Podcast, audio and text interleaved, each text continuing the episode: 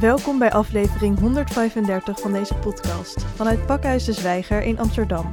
Mijn naam is Aniek van Rinsem en vandaag spreek ik met Janneke Scholtens, schrijver, toekomstonderzoeker en eigenaar van bureau Zoro. Beste Janneke, welkom. Hi. Je bent toekomstonderzoeker, maar misschien ook taboeonderzoeker. En je hebt je zoal bezig gehouden met de grootste thema's van het leven.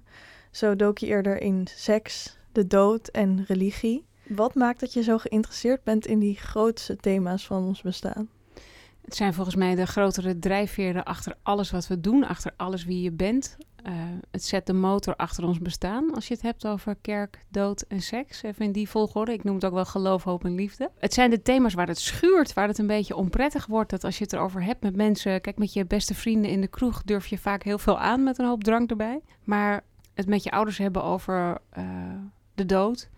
Of over hoe je zelf begraven wilt worden. Of het hebben met je innig religieuze schoonouders over wat de kerk voor hun betekent en dat je zelf niet gelovig bent.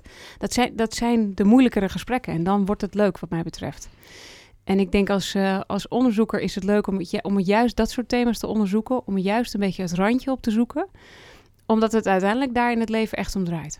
En je bent eigenlijk gewoon heel erg op zoek om je bezig te houden met waar het echt om draait. Kijk, toekomstonderzoek is, is überhaupt al heel erg leuk om te doen. Um, maar als je het hebt over de toekomst van wonen of over de toekomst van IT of over de toekomst van marketing, dan vind ik het eerlijk gezegd een beetje saai worden al snel.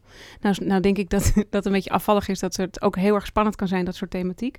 Maar ik denk als je het kan hebben over hoe we in de toekomst zullen sterven of misschien wel niet zullen sterven. Of hoe we in de toekomst seks zullen hebben of juist geen seks zullen hebben. Of hoe we in de toekomst zullen geloven of juist niet geloven dan denk ik dat je aan de basis raakt van wat we als mensen zijn. Je hebt het ook over dat schurende. Wat spreek jij zo aan aan dat schurende opzoeken?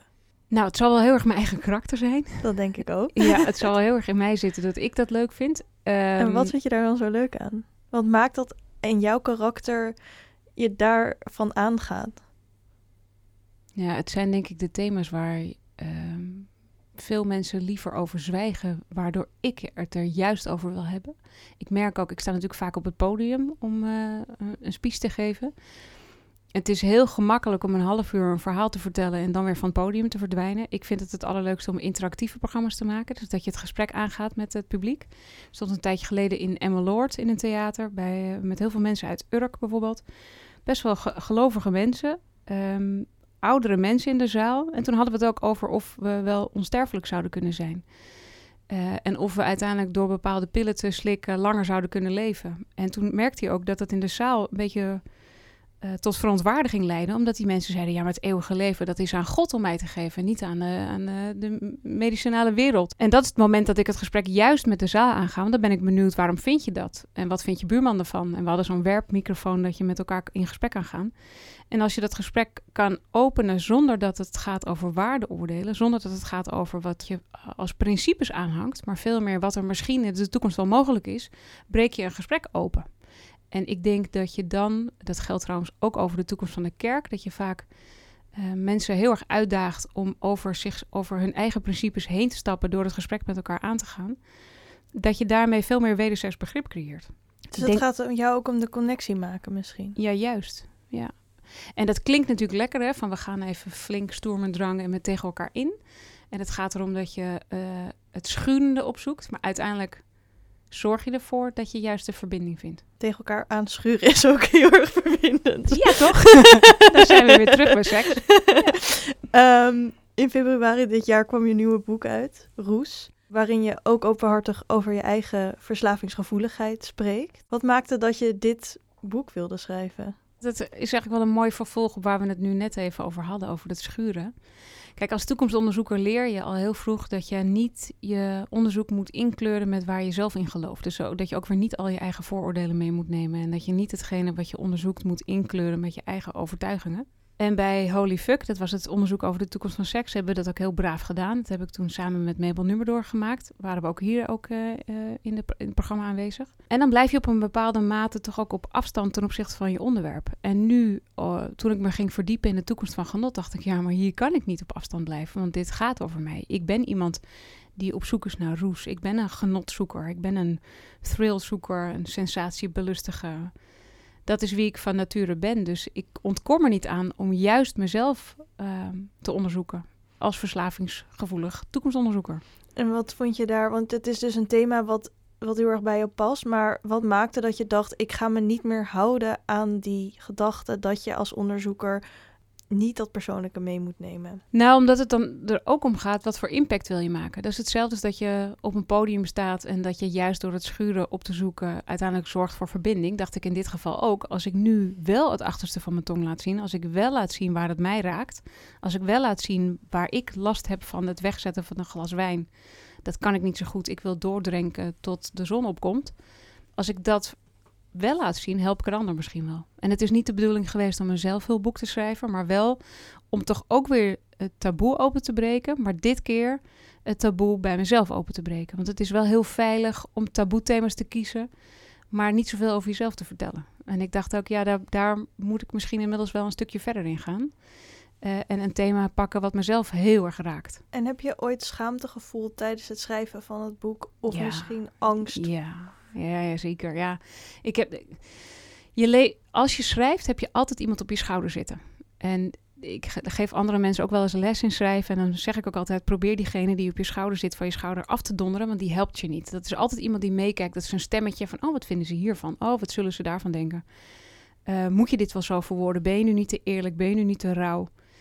Um, maar dat is eigenlijk hetgene wat je niet helpt in het proces. Want je, ik, ik had een hele goede redacteur, Manon Verhagen, die me hierbij hielp.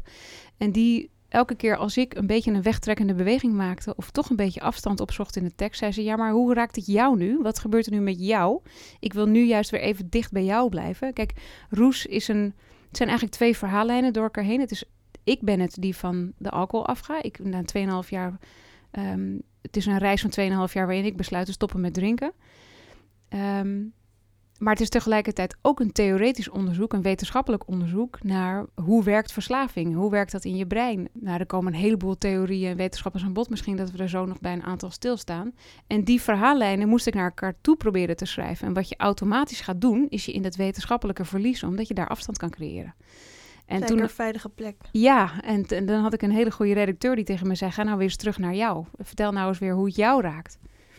En ik denk dat dat alleen maar heel waardevol is geweest. En daarom krijg ik nu ook heel veel reacties terug. Omdat mensen zich herkennen. Die denken, ja, dat heb ik ook. En al heb je het niet met wijn drinken, dan heb je het misschien met eten. Of dan heb je het misschien met gokken of met seks. Iedereen kent wel een hunkering waar die te gevoelig voor is. Waar die net dat verslavingsgevoelig in heeft. En zie je jezelf als een meer verslavingsgevoelig dan de gemiddelde persoon? Denk het wel. En wat maakt dat je dat denkt? Nou, omdat ik van mezelf weet dat ik de wijn dus niet kon wegzetten. Dus ik, uh, ik dronk elke dag. Um, ik denk in Amsterdam, als je dat hardop zegt, dat niemand daarvan schrikt. En ook, ook niet van twee, drie glazen. Dat werden er op een gegeven moment vier of vijf, of in het weekend nog meer. Dus als ik ging op een gegeven moment tellen wat, hoeveel ik in een week had gedronken. En dan zat ik zo aan 28 glazen. En toen dacht ik, nou, het begint wel eens wat te worden. Maar ik heb het ook op het moment dat ik... Um, ik werd een tijdje geleden geopereerd aan mijn benen en toen kreeg ik tramadol. Dat is een soort opiaatachtige pijnstiller ja, die strip gaat ook op. Ik kan op het moment dat iets me die verdoving geeft, die alcohol me ook geeft, of zo'n zo'n pijnstiller me geeft, kan ik me daar heel erg aan laven, maar heel erg gaan onderdompelen. En dan weet ik, met mate bestaat dan niet. Een ander kan misschien één glas wijn drinken en de, fles wegzetten, of één pil slikken en denken, oh, dat is een lekker effect. En dan de strip vergeten. Ik weet dat die er is. Ik weet dat dat op mij ligt te wachten en dat dat lonkt voor nog een keer. En het liefst op dezelfde avond nog een keer. Dus dat, ja, dat, je noemt het ook wel microdoseren. Er zijn heel veel mensen die dat heel goed kunnen. Dat kan ik gewoon van nature veel slechter. Ja, en je benoemt ook dat als het in je karakter ligt, dat komt misschien dan ook met heel veel positieve keerzijdes. Namelijk dat je je ook heel erg in bepaalde onderwerpen in, in je relaties met andere mensen heel erg kan storten. Dat je, zeg maar, dat die gulzigheid, wat misschien niet zo'n mooie connotatie heeft, wel heel mooi kan zijn in andere aspecten van wie je bent. Ja, ik, ik heb nu best wel wat interviews gehad en sommige mensen uh, halen eruit de lelijkheid. Hè? De lelijkheid van doordrinken tegen beter weten in. Of de lelijkheid van twee flessen wijn opendraaien en van allebei de helft opdrinken. Zodat het niet zo opvalt dat je eigenlijk stiekem een hele fles hebt opgedronken. Dat soort dingen beschrijf ik allemaal in, in het boek. Maar toen zei Erik Jan Harmens tegen mij, dus de auteur van Hallo Muur en Door het Licht, die ik ook heb geïnterviewd voor het boek. Uh, die zei toen tegen mij van ja, maar Janneke, die, die mateloosheid en die gulzigheid zoals jij het nu net noemt die heeft ook een hele mooie zijde. Want het betekent ook dat je heel veel geestdrift hebt. En dat je waarschijnlijk ook mateloos bent in de liefde en mateloos in je onderzoek. Ook weer in het schrijven van het boek. En in je werken terug ik, ja, dat is wel echt ten voeten uit wie ik ben. Dus het is heel erg hoe je genen werken, hoe je brein bedraad is. En dat levert je af en toe ehm, een streek, of dat zet je af en toe voor de, problematiek die ik nu had met dat ik moest stoppen met drinken, omdat ik te veel begon te drinken. Het werd meer ja, een heilig moeten in plaats van dat het nog leuk was. Ehm, maar het heeft ook een hele mooie kant. En ik zou ook niet zonder die mateloosheid willen. Ik moet alleen mezelf beteugelen waar het drank betreft.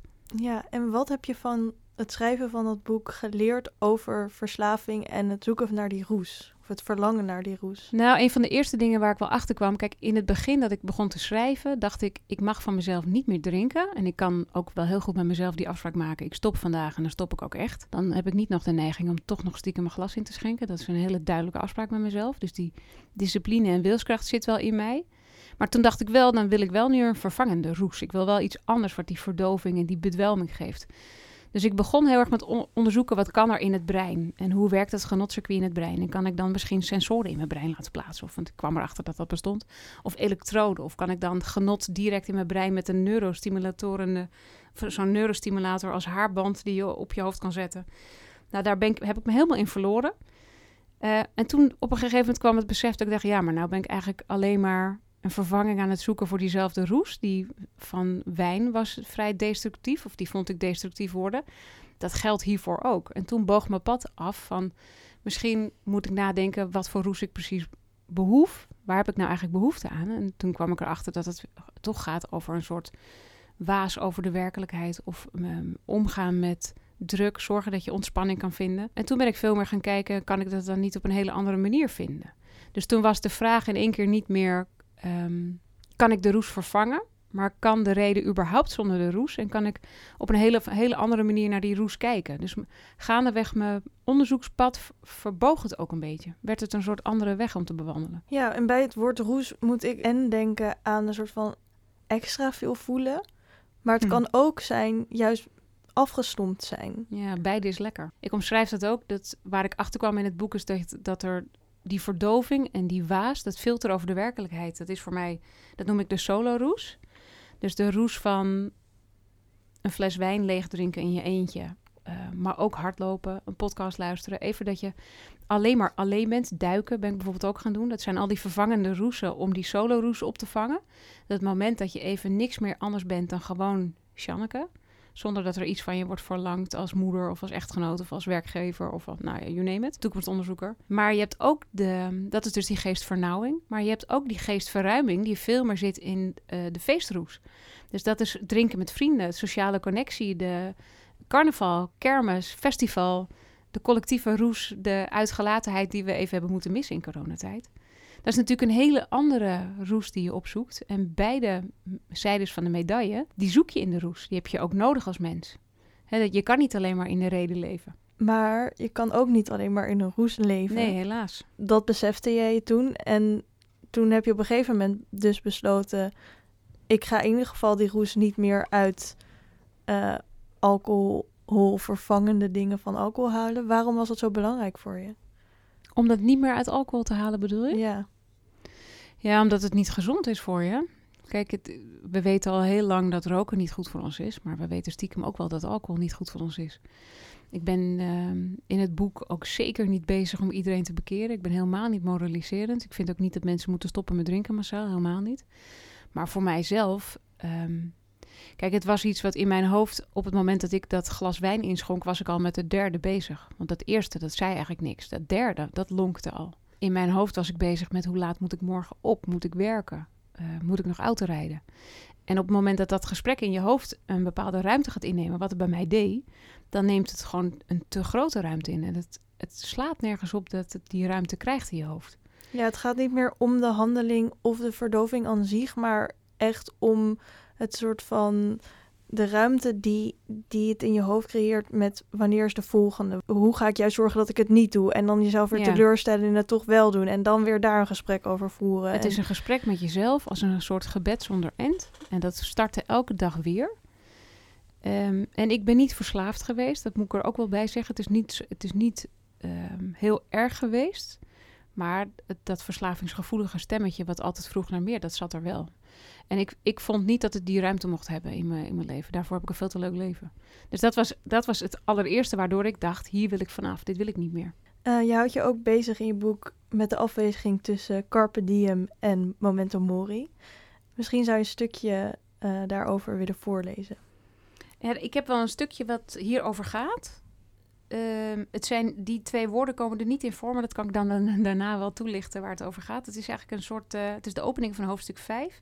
Dat heet Sigaren en Senescente cellen. Het is anderhalve bladzijde. Zal ik dat doen? Ja, heel graag. Het is maandagochtend vroeg. Het normale leven na de zomervakantie is alweer even begonnen.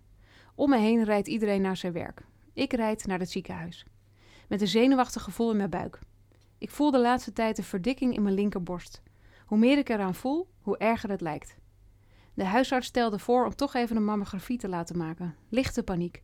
Mijn beste vriendin is aan de andere kant van de wereld gaan wonen, in Amerika, en heeft daar net te horen gekregen dat ze borstkanker heeft. De ene dag had ze een knobbel en hingen we gierend aan de telefoon, het was toch niks. De volgende dag was het toch echt kanker en waren we stil aan de telefoon.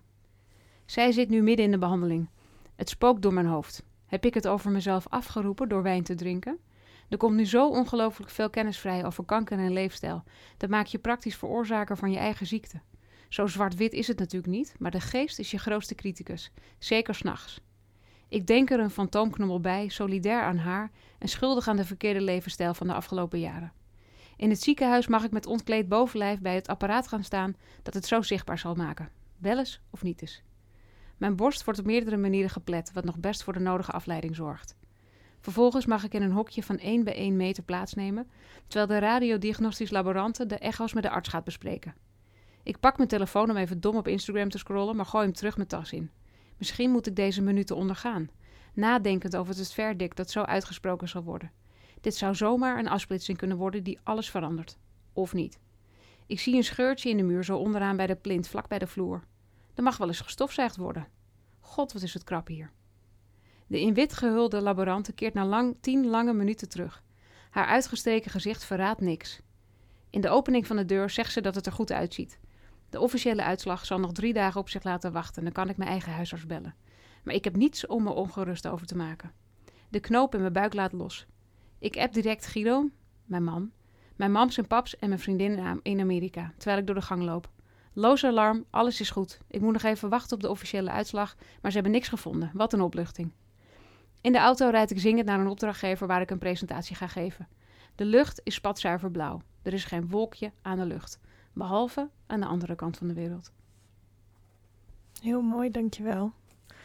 Het is overigens goed afgelopen met die vriendin. Echt heel fijn om te horen. Ja. En wat betekende dit verhaal voor jou? Nou, zij betekent heel veel voor me. En het is natuurlijk uh, als um, je beste vriendin, je beste Billy, zeg maar, aan de andere kant van de wereld woont. En dit moet doormaken in coronatijd, zonder haar ouders. Met alleen haar man die heel veel moest werken. En twee kleine kindjes die er niks van begrijpen. Opgesloten in een appartement in New York. Ja, dat, dat gaat door merg en been. En uh, kijk, dit, dit is mijn verhaal en mij gebeurde eigenlijk niks. Eigenlijk gebeurt er bij mij helemaal niks, want ik ben gezond. Daar kwam het op neer. Uh, maar dat gesprek met haar aan de telefoon, van ben je zelf de veroorzaker van je eigen ziekte? Uh, wat dan bij mij ook in mijn, in mijn dromen s'nachts terugkeerde, van, uh, zou, om, toen ik bij mezelf een knobbel voelde, zou, zou het. Dat heeft haar ook echt bezig gehouden. Heb ik dit aan mezelf te danken? Dat is natuurlijk een hele oneerbiedige vraag die je jezelf stelt. Het is ook niet te doen denk ook niet dat je er zo over mag denken, overigens. Maar dat doet je brein wel. Ja, precies. Het is niet. Het is gewoon pech. Maar ja. het zijn wel gedachten die in je hoofd opkomen. Ja, tegenwoordig weten we zoveel over leefstijl dat het ook zo'n beetje je eigen schuld gemaakt wordt. Hè? Want je, je weet dat um, alcohol kankerverwekkend is. Daar is inmiddels zoveel meer kennis over. Um, dat heel veel, uh, vooral borstkanker, vaak ook ik weet even niet de cijfers, maar dat het wel vaak, uh, of niet vaak, dat het alcohol gerelateerd kan zijn. Dat, dat is een, een feit. Inmiddels weten we zoveel meer over dit soort, ja, over de oorsprong van, uh, van dit soort kankers. Ja, maar dat betekent dus niet dat als je kanker hebt, dat je het dan aan jezelf nee. te danken hebt. Want het is heel vaak nog steeds gewoon bouten pech hebben. Ja, vol. Maar goed, dat is wel wat je brein ermee doet. Ja. ja. Want eigenlijk is het boek een soort reis langs genot. Naar geluk, naar gevaar, want dat is ook een genotsleverancier puur zang. Naar gezondheid, naar genoeg. Uiteindelijk zeg ik, ik heb genoeg gedronken. En dit is eh, de opening van het hoofdstuk gezondheid. En het gaat erover dat we steeds meer weten de, hoe we gezond moeten leven. Uh, en dat je dus als alwetende mens bijna een soort continue balans moet opmaken bij jezelf. Tussen carpe diem, pluk ik de dag, leef ik voor vandaag. En zie ik morgen, morgen wel weer. Of memento mori, gedenk te sterven en kies ik voor de lange termijn maak ik dus altijd zedige, gezonde keuzes. Alles in mij roept om carpe diem. Hè? Carpe fucking diem. Geef mij alles wat mij lust kan geven nu. Ik denk dat heel veel mensen dat herkennen. Al, al, het kortstondige genot. Zo zijn we nou eenmaal van nature ingesteld, hedonistisch. Dat is lekker. Dat zijn de korte klappen. Daar doe je het voor. Terwijl de zedige keuze en de verstandige keuze vaak is: ja, maar dan heb ik morgen een kater, kan het beter niet doen. Het is op de lange termijn niet goed voor mijn lichaam. Je kan beter een gezondere keuze maken. Dus die afweging tussen korte en lange termijn, dat zit natuurlijk op een heleboel terreinen in je leven ingebakken. Maar zo ook op dit soort afwegingen. Drink ik wel, drink ik niet. Maar je zou ook kunnen denken, misschien een beetje irritant, maar als je dus momento mori zegt, van gedenk te sterven, als je weet dat je doodgaat, dan kan je toch maar beter zoveel mogelijk genieten als je nog leeft. Ja, maar je kan ook... De, ja, dat snap ik ook. Dat is eigenlijk een verkapte carpe diem dan weer. de dag. Nee, ik, heb hem, uh, ik, ik zie hem anders. Ik lees hem als gedenk te sterven. Um, maak zoveel mogelijk uit je dag en zorg dat je daarna nog een dag hebt. Ja. Dan maar iets... Ken je Marion Donner met het zelfverwoestingsboek? Nee. Zij uh, is ook groot aanhanger van de Roes. Een heel leuk boek geschreven, het zelfverwoestingboek, uh, waarin, we, waarin ze oproept om meer te zingen, dansen, branden, verlangen. Dus ook om uh, niet altijd maar mee te gaan in die leefstijlhysterie. En je moet ook af en toe gewoon schandalig de nacht doorbrengen. En het brengt je ook zo ongelooflijk veel. En daar ben ik ook groot aanhanger van. Ik ben ook nog steeds in mijn boek ook echt het is ook eigenlijk een pleidooi voor de roes. Ik ben zeker niet tegen de roes. Dat het ook heel geestverruimend kan zijn. Ja, alleen ik weet van mezelf dat ik dat niet in de drank moet vinden, want dan verlies ik mezelf. Dat is het enige. Ik kan me nog heel sterk voor de geest halen dat toen ik een kind was, dat ik zo, zeg maar, dat ik zo erg niet begreep waarom volwassenen dingen zouden doen uh, die hun leven zou verkorten, omdat ja. ik zoveel levenslust had en ook, zeg maar, als kind al die emoties van euforie gewoon zelf kon oproepen, zeg maar. Dus ik denk dat ik daar dat de kindversie van mij wel jouw interpretatie van Momentum Mori zou hebben gehad. het is jammer dat je dat verliest hè, als kind. Ja. Het is ook een beetje dat ronddraaien als je bijvoorbeeld uh, duizelig wil worden... en dat je dan heel hard rondjes gaat draaien totdat je bijna niet meer op je benen kan staan... en dat je daar dan van geniet. Of uh, de slappe lach krijgen. Als kind kun je dat vaak ook beter dan als volwassene. Ik kan het nog steeds trouwens heel goed. Maar dat is ook iets wat dat echt de tranen over je wangen lopen... dat uh, hangen veel mensen ook vaak aan hun kindertijd... Het heeft iets, dat euforische, die verhitting die je in jezelf kan oproepen. Dat is iets wat we, waar we als volwassenen vaak drank bij nodig hebben. het is ook, ik interviewde op een gegeven moment Walter Wijns, die is socioloog uit uh, België. En toen had ik het met hem over carnaval.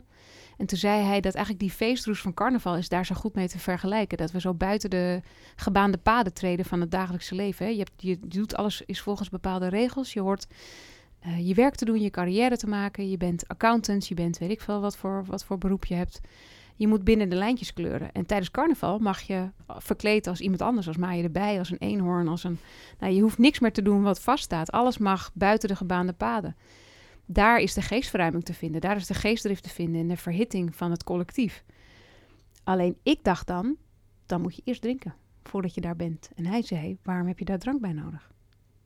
Dus dat is iets wat ik eraan knoop. Net zoals dat dat kind dat ook helemaal niet nodig heeft. Het kind heeft die euforische verhitting, daar heeft hij geen alcohol voor nodig. Waarom zou je dat als volwassene wel nodig moeten hebben? Hoe lang drink je nu al niet? Tweeënhalf jaar. En heb je dezelfde soort verhitting gevonden? Nou, ik heb wel uh, vervangingen gevonden, zoals voor die solo-roes. Dus dat verdoven of dat um, even uitzakken, dat kan al heel simpel door Netflix aan te zetten en in mijn eentje me terug te trekken in de slaapkamer en gewoon iets heel doms te kijken. Kan heel erg lekker zijn. Duiken, dus onder water zakken en dan, nou, dan is er een en al stilte en schoonheid. Vind ik een hele mooie. Uh, maar die collectieve feestroes, Was natuurlijk lastig in coronatijd om dat te vinden. Ik vind het dichtste bij nog steeds de, slappe lach komen. Eh, die mateloosheid in onderzoek zit er nog het dichtste bij. En gewoon het geluk van de eh, vriendschap. Dus van een heel innig gesprek met iemand waar je heel veel van houdt. Maar die, ehm, de gekte, die heb ik nog niet gevonden. Ik hou me aanbevolen als iemand die mij kan eh, aanbieden. En heb je wel geëxperimenteerd met naar feestjes gaan en dan niet drinken? En... Ja, daar ben ik voorbij. Dat is, als je stopt met drinken, is dat het eerste half jaar echt heel erg tergend en heel erg stom. Ehm, omdat je dan nog het gevoel hebt dat je wat mist. Maar dat is net, misschien ken je het met stoppen met roken. Op een gegeven moment heb je niet meer door dat je wat mist. Je mist het namelijk niet meer. Maar kan je dan alsnog die gekte vinden bij jezelf in die avonden zonder alcohol? Ja, alleen op het moment dat je natuurlijk met een heleboel mensen om je heen staat die dat wel op hebben, dan wordt het wat lastiger. Omdat je dan denkt, ik, omdat je dan een contrast ziet tussen jezelf en Ja, ander. je kan dan niet helemaal mee met de rest. Ja. Vind je dat jammer? Nee, maar dat is denk ik ook omdat het in deze tijd eh, niet zoveel aan de orde is geweest. Dus ik moet Ja. ook nog een beetje de lakmoesproef hebben van hoe zou ik nu een festival vinden. Ja, ik zat op een gegeven moment in de stad Schouwburg bij een concert. En toen werd er een nummer ingezet. Ik weet even niet meer hoe die heet. Iets met Amsterdam, zo'n hele bekend nummer. En de hele zaal ging meezingen. Aan de Amsterdamse grachten? Aan de Amsterdamse grachten. En dat is niet per definitie mijn muzieksmaak. Maar omdat iedereen begon mee te zingen, was dat zo intens en zo mooi.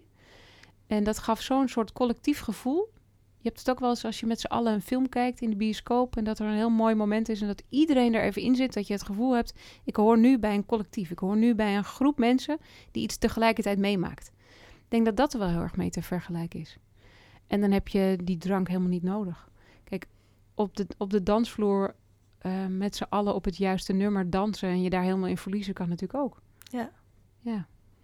Maar bier zuipen en kut roepen in de kroeg met allemaal mensen, dat zit er nu niet in. Ja, en dan leef ik zonder dat. Maar dat, volgens mij kan dat wel.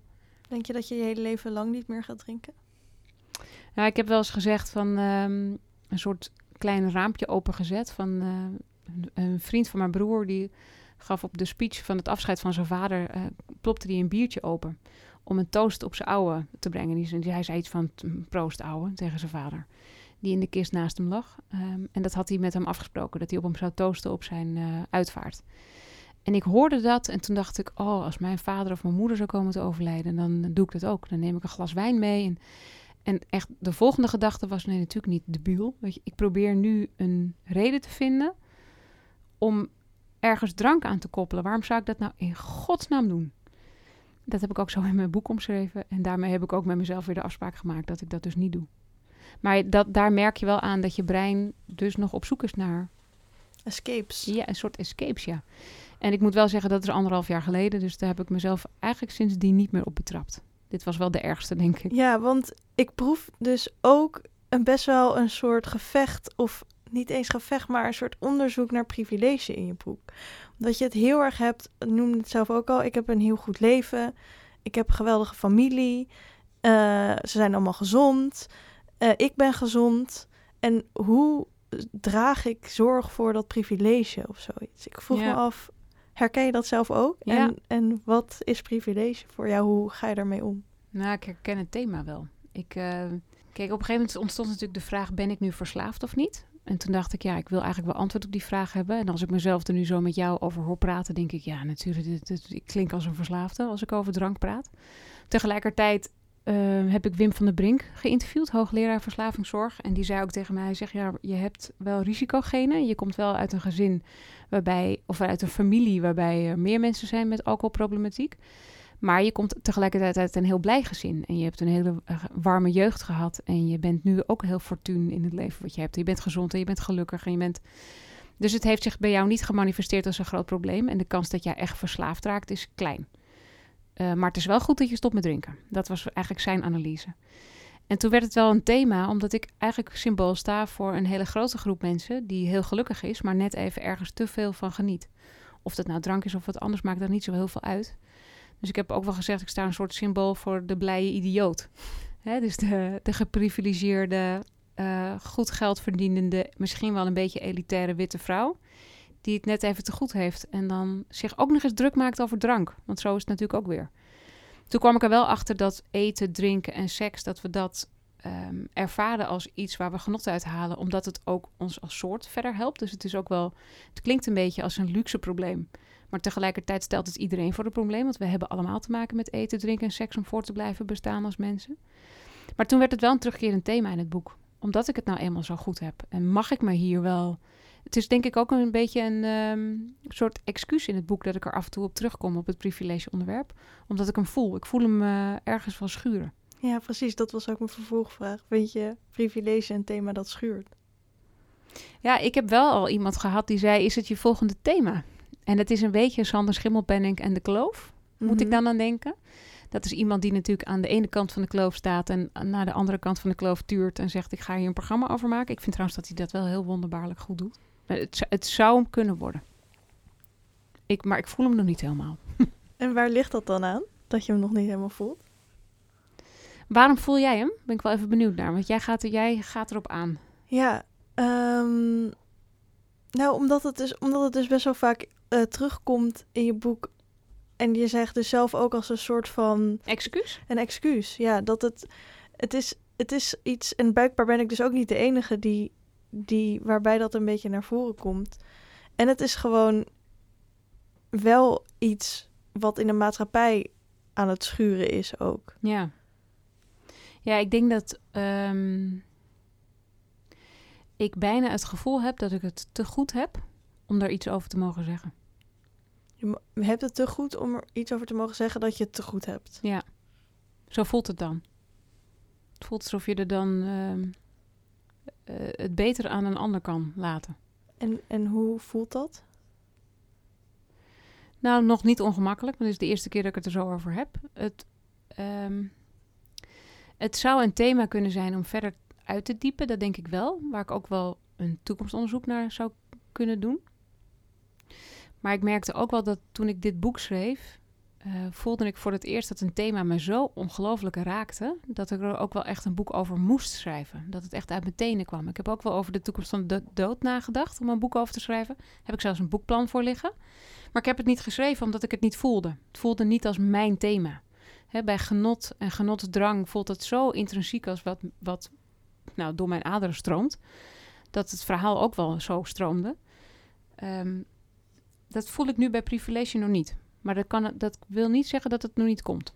Ja, en ook gewoon het antwoord. Ik weet niet of ik de aangewezen persoon ben om daar dan mee in te gaan verdiepen en iets over te zeggen. Dat kan ook een antwoord zijn. Ja, dat weet ik dus nog niet. Dan zou ik eerst, want ik ben wel van het, uh, het goede vooronderzoek. Ik hou er dan van om er eerst even in te verliezen voordat ik er echt heel veel over wil zeggen.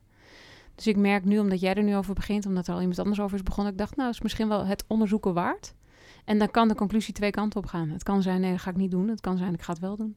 Ja, nou, we gaan het meemaken, denk ik. Of niet. Of niet. Uh, ik vroeg me ook nog af, op welke uh, manier verhoudt dat persoonlijke verhaal wat je vertelt zich met de rol van roes in onze samenleving in het algeheel?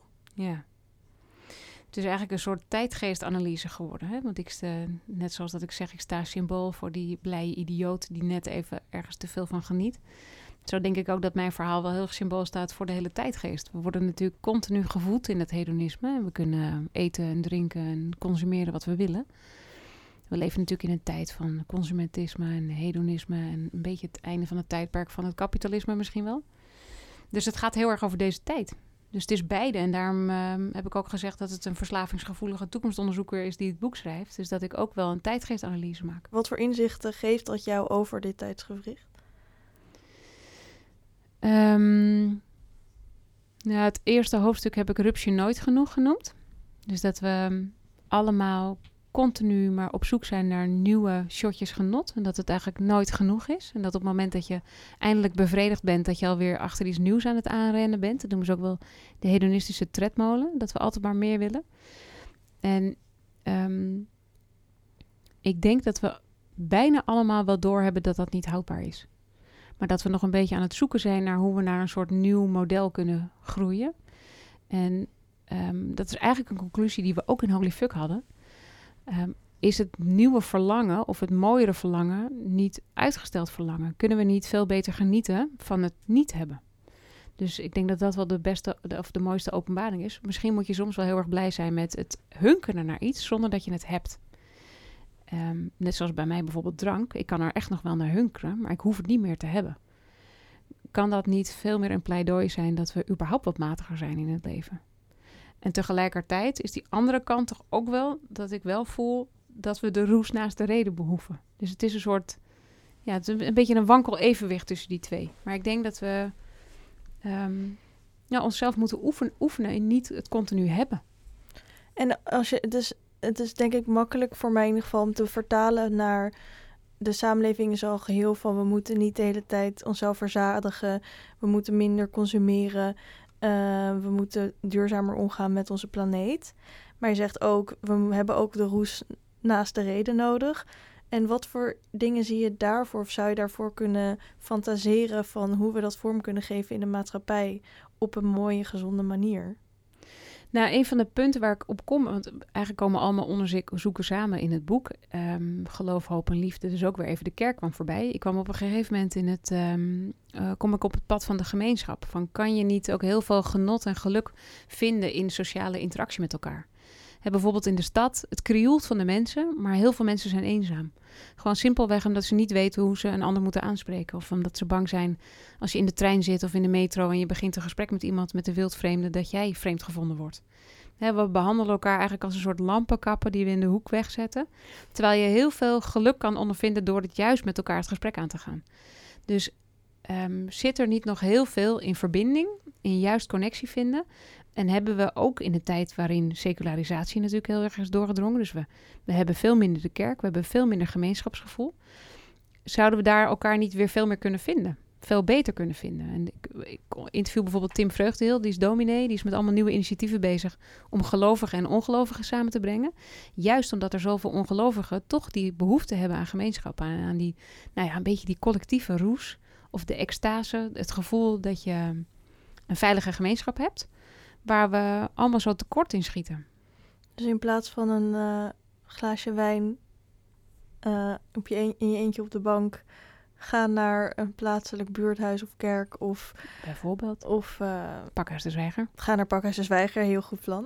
ja, nee, ja, maar het gaat erom dat je natuurlijk mensen, subculturen zijn er niet voor niks. Het gaat erom dat je elkaar kan vinden en dat je gelijkgestemden kan vinden of juist totaal andersdenkenden kan vinden. Wat is, het, wat is het gesprek wat je misschien wel het meest is bijgebleven, wat je hebt gevoerd voor je onderzoek naar dit boek? Nou ja, dan komen alle mensen even langs uh, in mijn hoofd die ik heb gesproken. Uh, een eye-opener was die Walter Wijns die tegen mij zei... Um, jij koppelt drank en genot aan elkaar. Dat moet je van elkaar losknopen. Dat was gewoon een goed moment in het boek. De belangrijkste is Wim van der Brink voor me geweest. Want Wim van der Brink die is dan die hoogleraar verslavingszorg. Die heb ik meerdere keren gesproken in het boek. Die was een soort rode draad omdat ik er achteraf wel achter kwam dat het loskomen van een middel, welk middel dat dan ook is, dat je uiteindelijk in die 2,5 jaar dat dat het pad is wat ik bewandelde. Want in het begin, op het moment dat jij stopt met uh, roken of drinken, dan voel je je ontzettend trots. Dan haal je daar een soort intellectuele beloning uit. Um, en daarna zakt dat in. En dat heb ik ook in mijn boek, dat ik op een gegeven moment denk ik, ja, maar nou wil ik gewoon, nou ja, in het begin heb je het er ook over dat je, dat je bijna een soort verslaving krijgt aan lijstjes en een soort ja, van vinken. afvinken hoe, hoeveel dagen je al niet drinkt. Ja. Heb je eigenlijk, ben je nog steeds bezig met het vinken van... Uh... Niet? Nee, dat lijstje dat is in een la verdwenen. Dat heb ik niet meer, omdat nou, dan zou ik nu een hele lange lijst hebben na iets van 1500 dagen of zo. Nee, dat, dat lijstje heb ik niet meer. Maar dat, dat is die intellectuele beloning, dat je jezelf dat vinkje mag geven elke dag. En daarna uh, had ik het gevoel dat ik toch heel graag weer wilde beginnen met drinken. Een soort terugslag, wat ik dan niet echt laat gebeuren. En daarna bleek dat je dopamine-receptoren dan niet goed werken. Dat heeft Wim van den Brink me ook verteld. En dan na een bepaalde periode, na een half jaar ongeveer, werken die weer zonder dat je dat middel nodig hebt. Dus dan word je weer net zo gelukkig als daarvoor met drank, maar dan zonder drank. En toen kwam ik er dus gaandeweg achter door hem dat ik eigenlijk echt aan het loskomen was van de middel. En alle stappen van het loskomen van de middel doorliep in het boek. En daar kwam ik als schrijvende achter. En als lezer kom je daar dus ook al lezende achter. En dat is wel voor hem een hele mooie rol geweest, denk ik, om me daarin te begeleiden. En stiekem weg, maar gewoon los te maken van het middel. En tot ik aan het einde zei, ik heb genoeg. Ja. En wanneer was dat dat je dacht, ik heb genoeg? dat is niet een vast moment. Het is niet zo geweest dat ik in één keer dacht, uh, nu, nu is het genoeg geweest. Het is, um, ik denk, een boek schrijven is natuurlijk een heel proces van, uh, nou, jaren. En gaandeweg heb ik mijn eigen hoofdstukken elke keer teruggelezen. En op een gegeven moment was ik gewoon bij hoofdstuk 7 is mijn laatste hoofdstuk. Was ik die aan het schrijven en uh, toen rolden die woorden eruit. Hè, ik, volgens mij zijn het de woorden um, wat ik som op wat ik allemaal heb. Dan gaan we even al mijn privileges. En uiteindelijk zeg ik dan: Ik heb genoeg gedronken, want ik heb genoeg. Dat was de slotconclusie. En op het moment dat ik de, dat mijn pen dat op mijn papier schreef, toen was dat zo. Nou ja, dat is dan denk ik nu een half jaar geleden geweest. Ja, maar dat zie je ook wel weer hoe de rol van schrijven, wat de rol van schrijven kan zijn, in ieder geval voor jou ook is geweest. Het is waarschijnlijk heel therapeutisch geweest. En wat heel mooi is, is dat je heel open en eerlijk bent. Dat is ook het spannende. Ja, dat is ook heel spannend. Wat heb je daar zelf van teruggekregen? Oh ja. Uh, nou, ik heb natuurlijk mijn man die in eerste instantie dacht: moet dit? uh, je legt wel heel erg je ziel en zaligheid uh, op straat. Dat hebben wel meer mensen tegen me gezegd. Maar ook bijvoorbeeld mijn vader, die mijn eerste lezer is, die dat alleen maar toe kon juichen. Die zei: Dit moet je doen, want dit ben jij. Dus de, de beide, beide kanten van de medaille hoor je natuurlijk terug. Mensen die het ook. Sommige mensen lezen alleen het eerste hoofdstuk en die zijn heel um, geschrokken. En andere mensen lezen het hele boek en zijn juist heel erg gelouterd. Dat is, uh... En dan heb je dan vooral voor mensen die jou kennen? Ja. Ja, ja die kennen mij en denken: hè? hè? Dat heb ik nooit van je geweten. Ik heb ook wel van mensen gehoord van: was jij zo afhankelijk van de drank? En ik denk alleen maar: nee, dat viel toch wel mee. Maar ik, precies, want ik, de, ik lees ook niet.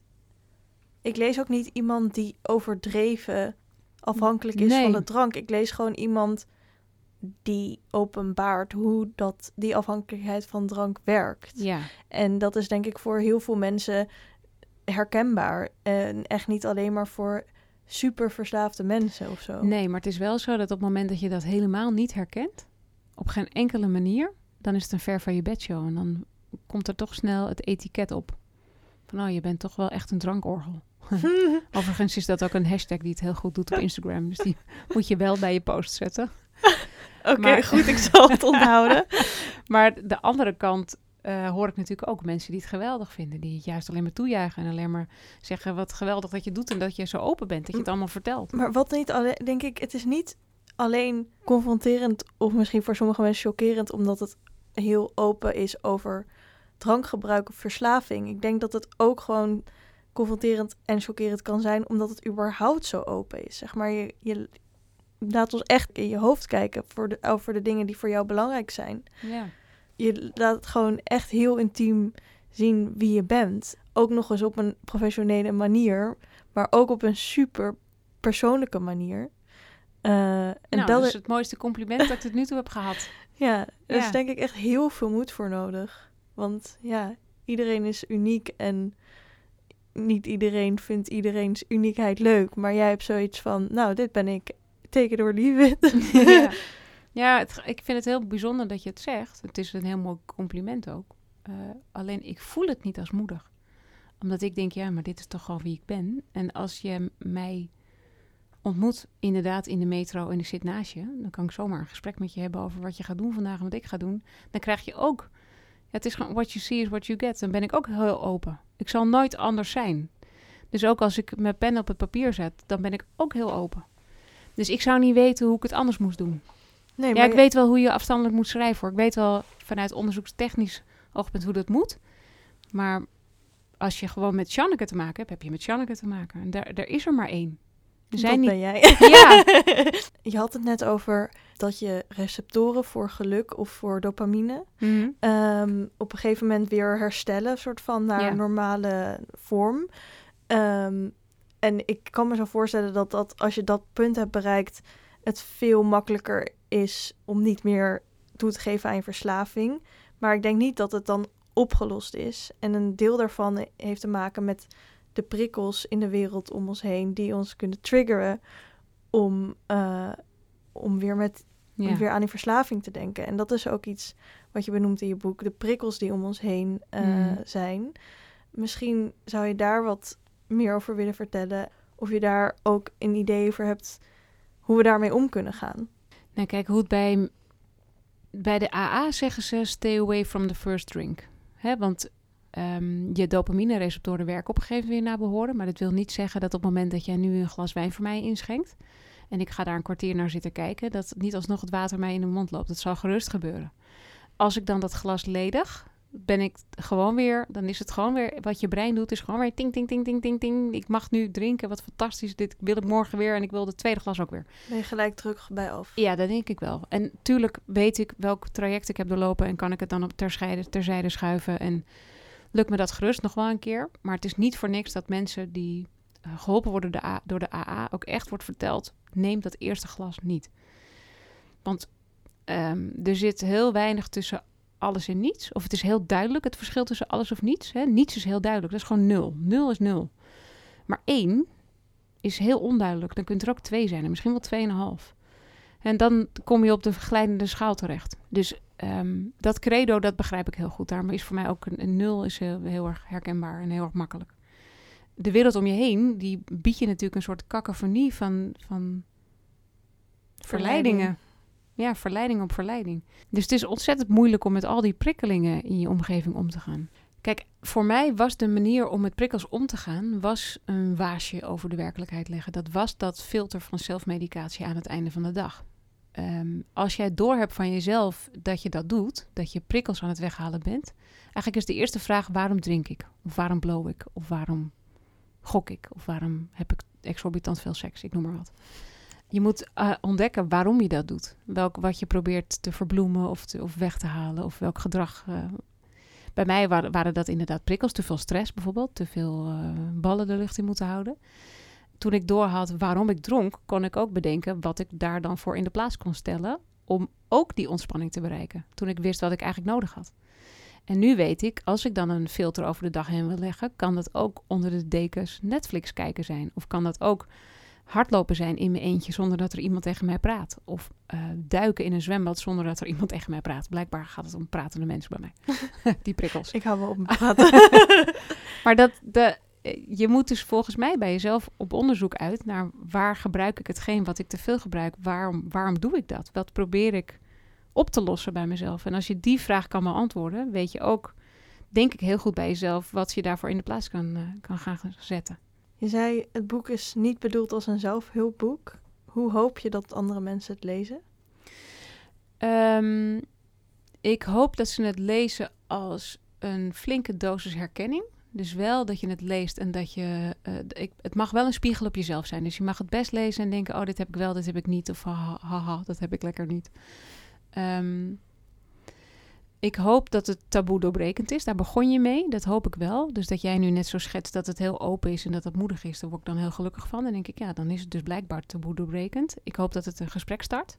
Dus dat het, um, als iemand het leest en er iets van zichzelf in herkent, dat hij er misschien een beetje dapperheid uit ontleent om met iemand het gesprek aan te gaan.